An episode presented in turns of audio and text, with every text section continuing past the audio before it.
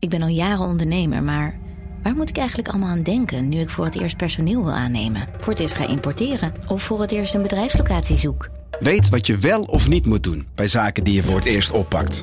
Check kvk.nl voor praktische stappenplannen. KVK, hou vast voor ondernemers. Hey podcastluisteraar. Ook op zoek naar een relevante invulling van je schaarse luisteruren? Tune dan in op de podcastserie ESG, even samengevat van BNP Paribas. Wij, Marloes en Aldert, spreken daar duurzame voorlopers en wereldverbeteraars. Waarover dan? Nou, bijvoorbeeld of we ooit duurzaam kunnen gaan vliegen. En waarom koeien in de stad nou een goed idee is? Dat en meer elke twee weken in een nieuwe aflevering. Dus abonneer je. ESG, even samengevat.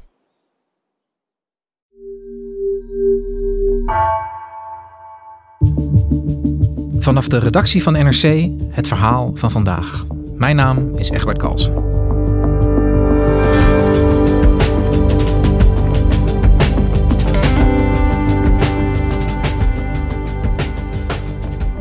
Deze weken debatteert de Tweede Kamer over de 40 jaar oude abortuswet. Er is een wetsvoorstel ingediend om de verplichte bedenktermijn van vijf dagen voor een abortus af te schaffen. Politiek verslaggever Pim van der Dol ziet in het huidige debat een duidelijk voorbeeld van de verschuivende machtsverhoudingen in Den Haag.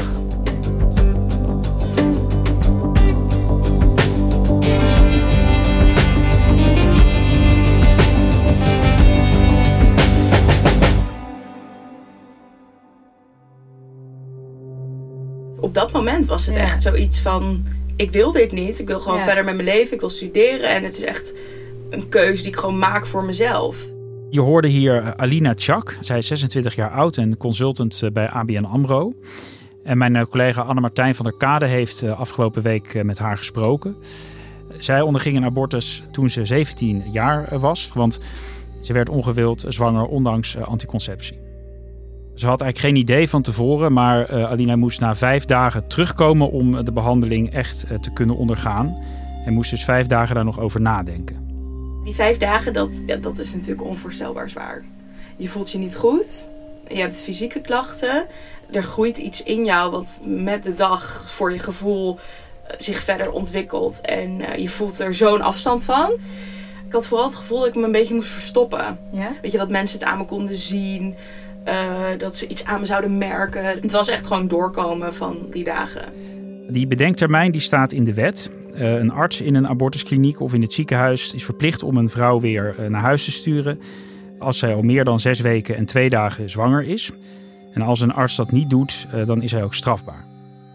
Ja, ik vond dat destijds echt onbegrijpelijk. Want ik dacht, ik ben hier.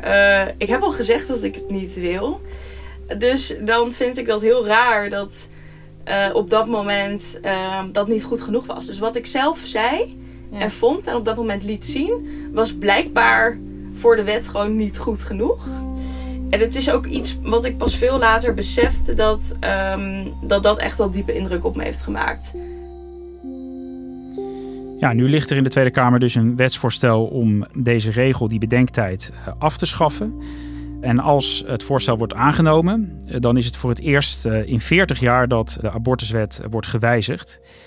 En het blijft een eh, onderwerp dat eh, toch wel gevoelig ligt, ook binnen partijen. En gisteren eh, kreeg het debat in de Tweede Kamer een vervolg. En volgende week dinsdag zullen de Kamerleden erover stemmen. Want Pim, die Nederlandse abortuswet, dat is dus al een 40 jaar oude wet. Ik kan me voorstellen dat destijds, begin jaren 80, uh, dat een politiek zeer gevoelig onderwerp was in nasleep van de, van de feministische golf in de jaren 60 en 70. Hoe is dat toen gegaan? Ja, uh, dat klopt. In de jaren 70 en 80 is er jarenlang uh, fel gedebatteerd in de Nederlandse politiek over abortus.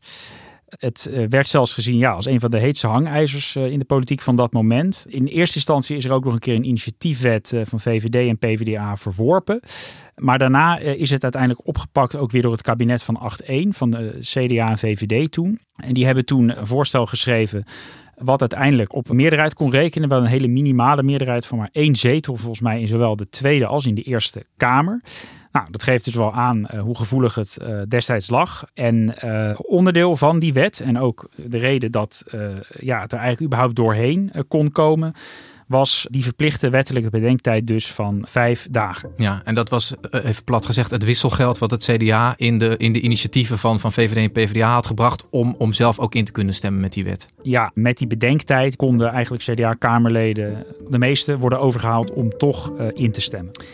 Nou, links was toen al heel kritisch en had eigenlijk vanaf het begin al moeite met die bedenktijd. Ja, maar het was dit of niks, want anders kregen ze die andere partijen niet mee. Precies, dus dit was waar ja, ze toen mee moesten doen. Ja, het compromis. Ja. Dus die bedenktijd is vanaf het eerste begin een, een, een, cruciaal element geweest in deze abortuswet. Weten we of daar veel gebruik van wordt gemaakt? Of veel vrouwen zich in die vijf dagen daadwerkelijk bedenken? Uh, nee, dat weten we eigenlijk niet precies. Dat wordt niet exact bijgehouden het vermoeden is wel dat dat niet om een hele grote groep gaat. Hè. Ook twee keer is de abortuswet tussentijds geëvalueerd. En daar eh, bleek bijvoorbeeld uit dat ruim 70% van de vrouwen die een abortuskliniek bezoekt, eigenlijk al zeker is van haar besluit. En nou ja, de verwachting is daarom dat maar een heel klein deel door die bedenktijd alsnog afziet van abortus. Maar het kan natuurlijk voorkomen. Ja. En hoeveel abortussen vinden er plaats in Nederland in een jaar? Nou, de laatste jaren is het aantal abortussen in Nederland weer wat afgenomen. En het zit nu gemiddeld op ongeveer uh, 30.000 per jaar. Het gaat dan om ongeveer 1 op de 9 zwangerschappen die uh, voortijdig wordt, wordt, wordt afgebroken. Terwijl wij dus vrij hè, ruime wetgeving hebben die het wel mogelijk maakt, um, wordt gezegd dat dat aantal in Nederland relatief laag is. Hey, en nu ligt er dus een wetsvoorstel om die verplichte bedenktijd van vijf dagen af te schaffen. Van wie komt het initiatief om uh, dit nu op te pikken? Dit voorstel is vorig jaar ingediend door D66. Uh, oorspronkelijk geschreven en, en, bedacht door Pia Dijkstra, inmiddels niet meer in de Tweede Kamer. En zij heeft dat opgepakt samen met drie andere partijen nog: GroenLinks, de PvdA en de VVD. Ja. Aan de voorstanderskant staan eh, de linkse en de liberale partijen in de Kamer. De tegenstanders die zitten dan meer in de hoek van de christelijke partijen en, uh, en de wat, wat rechtsere partijen. Wat zijn hun argumenten om vast te houden aan die bedenktijd? Ja, zij zien hè, het uh, leven vanaf de bevruchting als beschermwaardig. En, en, en vinden dus dat bescherming van het ongeboren leven altijd voorop moet staan. Voorzitter, ik nodig hen uit om hier in deze zaal onder woorden te brengen wat voor hen dan de waarde van het ongeboren leven is. En waarom ze dat graag zouden willen beschermen. Het belangrijkste argument dat zij eigenlijk gebruiken is dat die bedenktijd er nu voor zorgt dat vrouwen niet uh, ja, overhaast overgaan tot een abortus en daar misschien spijt van krijgen. Hè? Dus uh, ze, gooien het onder andere op, uh, op zorgvuldigheid. En bijvoorbeeld de ChristenUnie, natuurlijk een tegenstander van abortus, zei vorige week ook in het eerste deel van het Kamerdebat. Hè, dat het bijvoorbeeld ook nuttig is als, als kwetsbare vrouwen daar komen. En uh, nou ja, de argumenten van dat er mogelijk dwang kan zijn. Uh, en dat dat nadenken toch een functie heeft, omdat het natuurlijk inderdaad wel gaat om een onomkeerbare uh, beslissing. Volgens FIOM geeft 1 op de 10 vrouwen aan dat abortus niet haar eigen keuze was. En 1 op de 5 vrouwen had het gevoel grotendeels richting de keuze voor abortus gestuurd te zijn door mensen in haar omgeving, zoals een partner of familie. Dat zijn de tegenstanders. Dan zijn er ook voorstanders van deze wet. Welke argumenten hebben de voorstanders om uh, die bedenktijd nu te willen afschaffen? Nou, de belangrijkste daarbij is eigenlijk uh, dat uh, zij vinden dat de bedenktijd nu, en zeker die, die verplichting die erin zit voor vijf dagen, nou nog nadenken over dat besluit volgens de wet, dat dat eigenlijk niet meer van deze tijd is. En ja, de linkse en liberale partijen vinden dat van die bedenktijd eigenlijk de suggestie uitgaat dat vrouwen die in een abortuskliniek komen uh, nog niet goed hebben nagedacht over het feit dat ze een abortus willen. Want er blijkt dus ook uit de gegevens dat eigenlijk hè, de meeste vrouwen die er komen uh, al natuurlijk ja, lang en uitgebreid uh, vaak hebben nagedacht. En deze vijf dagen bedenktermijn worden van bovenaf opgelegd. En zijn voor de vrouw, maar ook voor de arts paternalistisch, betuttelend en onnodig. En daar kan je ook wel iets bij voorstellen als je opzoekt hoe de regering dus in de jaren tachtig nog die bedenktijd ook motiveerde. Want uh, toen schreef de regering hè, dat uh, de bedenktijd een, een, waarborg was tegen een, een overelde beslissing van de vrouw tot zwangerschapsafbreking. Een vrouw die nog niet geheel zeker is dat zij de zwangerschapsafbreking ook inderdaad wenst. Een situatie die geenszins uitzonderlijk is, zo enige dagen de gelegenheid zou hebben om zich nader te beraden en eventueel op haar aanvankelijke voornemen terug te komen. Nou, dat klinkt ook heel erg alsof hè, uh, het nog bedoeld was als een soort middel om vrouwen ervan af te laten zien. Maar voorzitter, dat is ook eigenlijk Het enige echte effect van die beraadtermijn. Het doet vrouwen pijn. Het zet vrouwen weg als wezens die zelf geen keuze kunnen maken. Waar de wetgever een keuze voor moet maken. De initiatiefnemers vinden de huidige bedenktijd ook uh, ja, belastend uh, voor, voor vrouwen. Hè. Uh, veel vrouwen geven aan nadat ze de abortuskliniek bezocht hebben, dat ze het ja, heel erg vervelend vonden dat ze dus nog die vijf dagen per se moesten wachten, terwijl ze het al zeker wisten. uit een, een van de evaluaties van de wet bleek bijvoorbeeld dat twee op de vijf vrouwen dat als vervelend of erg vervelend ervaart. Die vijf dagen verplichte bedenktermijn zijn emotioneel slopend. Vrouwen lijden hieronder, fysiek, maar ook psychisch. Dus het, vooral het verplichtende karakter van die ja. vijf dagen moet eruit, maar op zich kan er nog altijd een gesprek gevoerd worden of die vrouw wel zeker weet uh, of ze dit wil. Ja, sterker nog, dat gesprek tussen de arts en de vrouw is altijd verplicht. Uh, een arts uh, die een abortus gaat uitvoeren, gaat eerst na bij de vrouw of zij inderdaad geheel vrijwillig bijvoorbeeld tot die keuze is gekomen. Er mag nooit sprake natuurlijk zijn van, van dwang. Hij zoekt ook uit of de vrouw niet toch nog zelf erg twijfelt. Maar vanaf dat moment vinden de initiatiefnemers het eigenlijk vooral belangrijk dat die bedenktijd, als die al nodig is, dat die wordt vastgesteld in een gesprek dus tussen de arts en de vrouw. Ja. Hè, dus zij zeggen niet, we zijn tegen uh, elke vorm van een bedenktijd. Maar het kan in sommige gevallen ook gewoon nul of, of één dag zijn, maar ook zelfs langer dan die vijf. Ze zeggen juist van die verplichte bedenktermijn staat eigenlijk goede zorg in de weg. In de evaluaties die ik ook eerder noemde en uit geen enkel ander onderzoek wordt onderbouwd dat de vijf dagen verplichte beraadtermijn enige zin heeft. Wat wel helpt is professionele hulp en ondersteuning om een keuze te maken.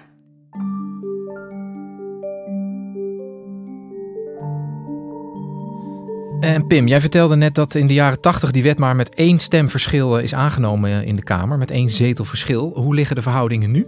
De verwachting is dat een ruime twee derde meerderheid van de partijen zich erachter uh, achter kan scharen. Uh, dus dat zijn naast de uh, initiatiefnemers die ik al noemde, ook bijvoorbeeld partijen als de SP en de PVV die waarschijnlijk het kunnen steunen. En een kleine ja, minderheid van partijen is natuurlijk tegen iedere aanpassing op dit punt. En dan hebben we het inderdaad over de, de christelijke partijen en ook DENK, en uh, Forum voor Democratie. Ja, dus eigenlijk zou je kunnen zeggen dat de uitkomst van deze, van de, deze, deze initiatiefwet die nu behandeld wordt uh, al redelijk vaststaat. Waarom is het debat dan toch nog interessant volgens jou? Uh, ik denk om een aantal redenen. Kijk, de, de, politieke debatten over die medisch-ethische kwesties zijn altijd heel gevoelig in Den Haag. het maakt bij juist ook de, de, de partijen die de minderheid vormen, die ik net noemde, bijvoorbeeld de christelijke partijen, toch ook heel veel gevoelens los. Ik moet eerlijk zeggen dat ik dit zie als een zwarte dag. En wat ook interessant is, is dat eigenlijk bij alle fracties in de Tweede Kamer, als het om, om dit soort ethische wetgeving gaat, eh, er altijd sprake is van een, een vrije kwestie. Dat betekent dat er hoofdelijk zal worden gestemd en dat Kamerleden eigenlijk niet het officiële partijstandpunt, dat ze daarmee niet hoeven ja, meestemmen. Nog geen fractiediscipline nee, heet dat. Precies. Ja. Uh, en dan wordt het altijd interessant om, om te zien of uh, individuele Kamerleden dus afwijken van de partijlijn hè, of wat je verwacht van die partij. Dus ik ga bij de stemming volgende week bijvoorbeeld letten op het CDA. Waar het fractiestandpunt is dat zij tegen het afschaffen van de bedenktijd zijn. Maar het zou bijvoorbeeld heel interessant zijn als er uh, een CDA-Kamerlid toch voorstemt. Ja. Een van de dingen die ik mij nog afvroeg, het huidige kabinet Rutte 4 met VVD, D66, CDA en ChristenUnie, dat is eigenlijk in, in samenstelling een kopie van Rutte 3.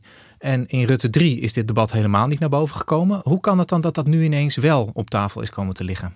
Ja, nou dat, dat uh, heeft dus te maken met de afspraken in de formatie. Toen Rutte 3 begon in 2017, toen is heel uitdrukkelijk afgesproken om die medisch-ethische kwesties, om dat eigenlijk helemaal te bevriezen, zeg maar. Om daar helemaal niks aan te doen. Het kabinet zou geen initiatieven nemen. En, en de afspraak was eigenlijk ook dat, ja, dat er in het parlement geen voorstellen zouden passeren die dus CDA en ChristenUnie echt voor het hoofd zouden kunnen stoten. Inclusief dit soort wijzigingen van de uh, abortuswet. Ja. Maar goed, dat was voor D66 met name uh, toen al lastig te accepteren. Uh, dus in deze nieuwe formatie van Rutte 4 hebben zij wel gewoon uh, geëist dat er ruimte zou zijn voor die initiatiefwetten in de Tweede Kamer. Ja, en de ChristenUnie heeft met vijf zetels dit keer gewoon niet alles op dit vlak zeg maar kunnen blokkeren. Ja, en speelt dan ook nog mee dat het internationale debat over abortus ook weer aan het verharden is?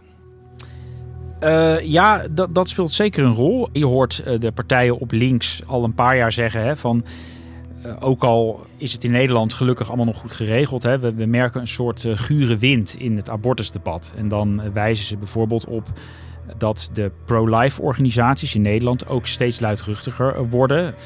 Maar ook internationaal wijzen ze dan op ontwikkelingen waar abortuswetgeving wel degelijk uh, wordt uh, aangetast of wordt verscherpt. Bijvoorbeeld in de Verenigde Staten, waar echt uh, hele vergaande voorstellen weer zijn gepasseerd om abortus echt te beperken voor vrouwen.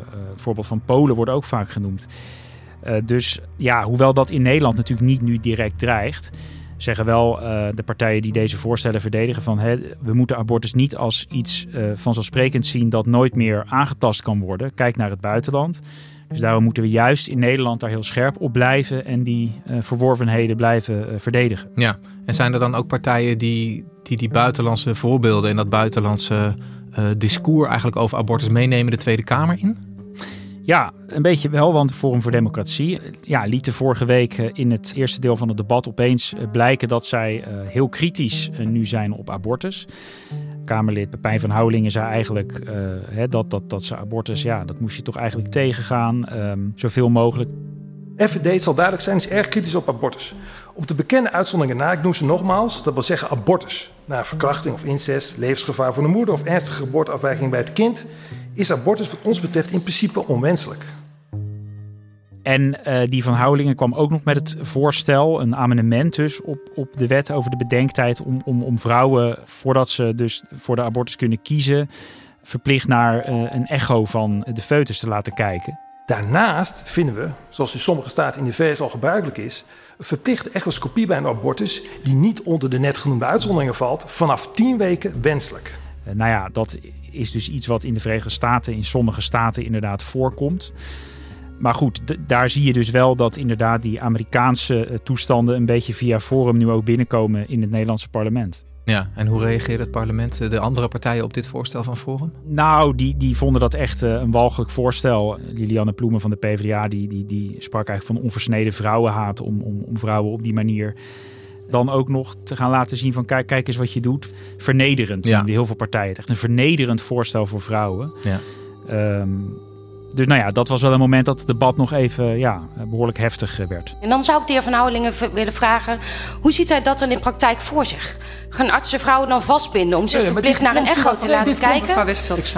Um, gaan artsen, hoe, hoe, moeten, hoe moeten zij dat dan in praktijk gaan doen? Ja, dus deze week uh, het laatste debat in de Tweede Kamer erover en dan volgende week de stemming over het afschaffen van de bedenktijd. Ik kan me voorstellen dat dat voor Alina uh, goed nieuws is, dat deze discussie uh, na 40 jaar nu eindelijk wordt beslecht. Ja, zeker. want zij vertelde nou ja, dat toen zij dus geconfronteerd werd met die um, verplichte bedenktijd, dat ze dat natuurlijk heel vervelend vond, dat ze al, al echt wist dat ze dat niet wilde. En op haar 26e werd ze nog een keer uh, zwanger door haar anticonceptie heen. Ik wist nu aan alles meteen weer van, oh het is mis. Uh, omdat ik het dus al een keer had meegemaakt. En uh, kijk, de tweede keer heb ik ook gewoon langer nagedacht. En heb ik die tijd zelf ook wel genomen.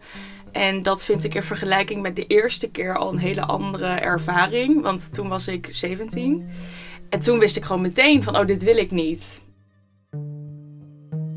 Uh, toen ging het anders, want ze was er uh, zo vroeg bij uh, dat ze in aanmerking nog kwam voor een overtijdbehandeling en de bedenktijd niet nodig was. Maar alsnog wilde ze er zelf wel eerst heel goed over nadenken.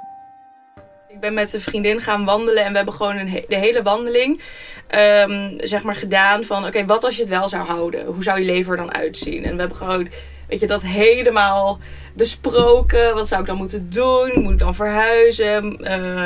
wat komt er allemaal bij kijken? En toen wist ik ook toen ik thuis kwam van nee, dit ook niet. Maar ik heb die tijd zelf genomen. Ja, en ze hoopt dat uh, iedereen inziet dat uh, abortus echt geen lichtzinnig uh, besluit is. En ze hoopt ook dat het wegnemen van die verplichte bedenktijd kan bijdragen aan het ja, laten verdwijnen van schaamte rond abortus. Het, het, zijn beide keren geweest dat ik uiteindelijk de beslissing heb genomen over de koers van mijn leven. En die beslissing wil je gewoon in volledige vrijheid maken. Zonder uh, dat een wet zegt dat jij langer moet wachten. En uh, ook zonder schaamte. Weet je wel, je wil gewoon achter je beslissing kunnen staan. Uh, het is mijn leven. Ik heb nu voor gekozen om het op een bepaalde manier voor te zetten. En dat is zo ontzettend belangrijk. Pim, dankjewel. Graag gedaan. Je luisterde naar vandaag, een podcast van NRC. Eén verhaal, elke dag. Deze aflevering werd gemaakt door Julia Vier en Bas van Win. Dit was vandaag. Morgen weer een.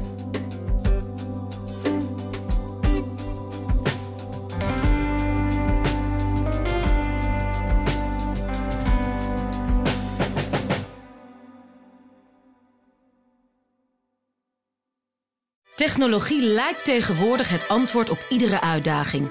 Bij PwC zien we dit anders. Als we de potentie van technologie willen benutten, kunnen we niet zonder een menselijk perspectief. Human-led, tech-powered noemen we dat. Ga naar pwc.nl.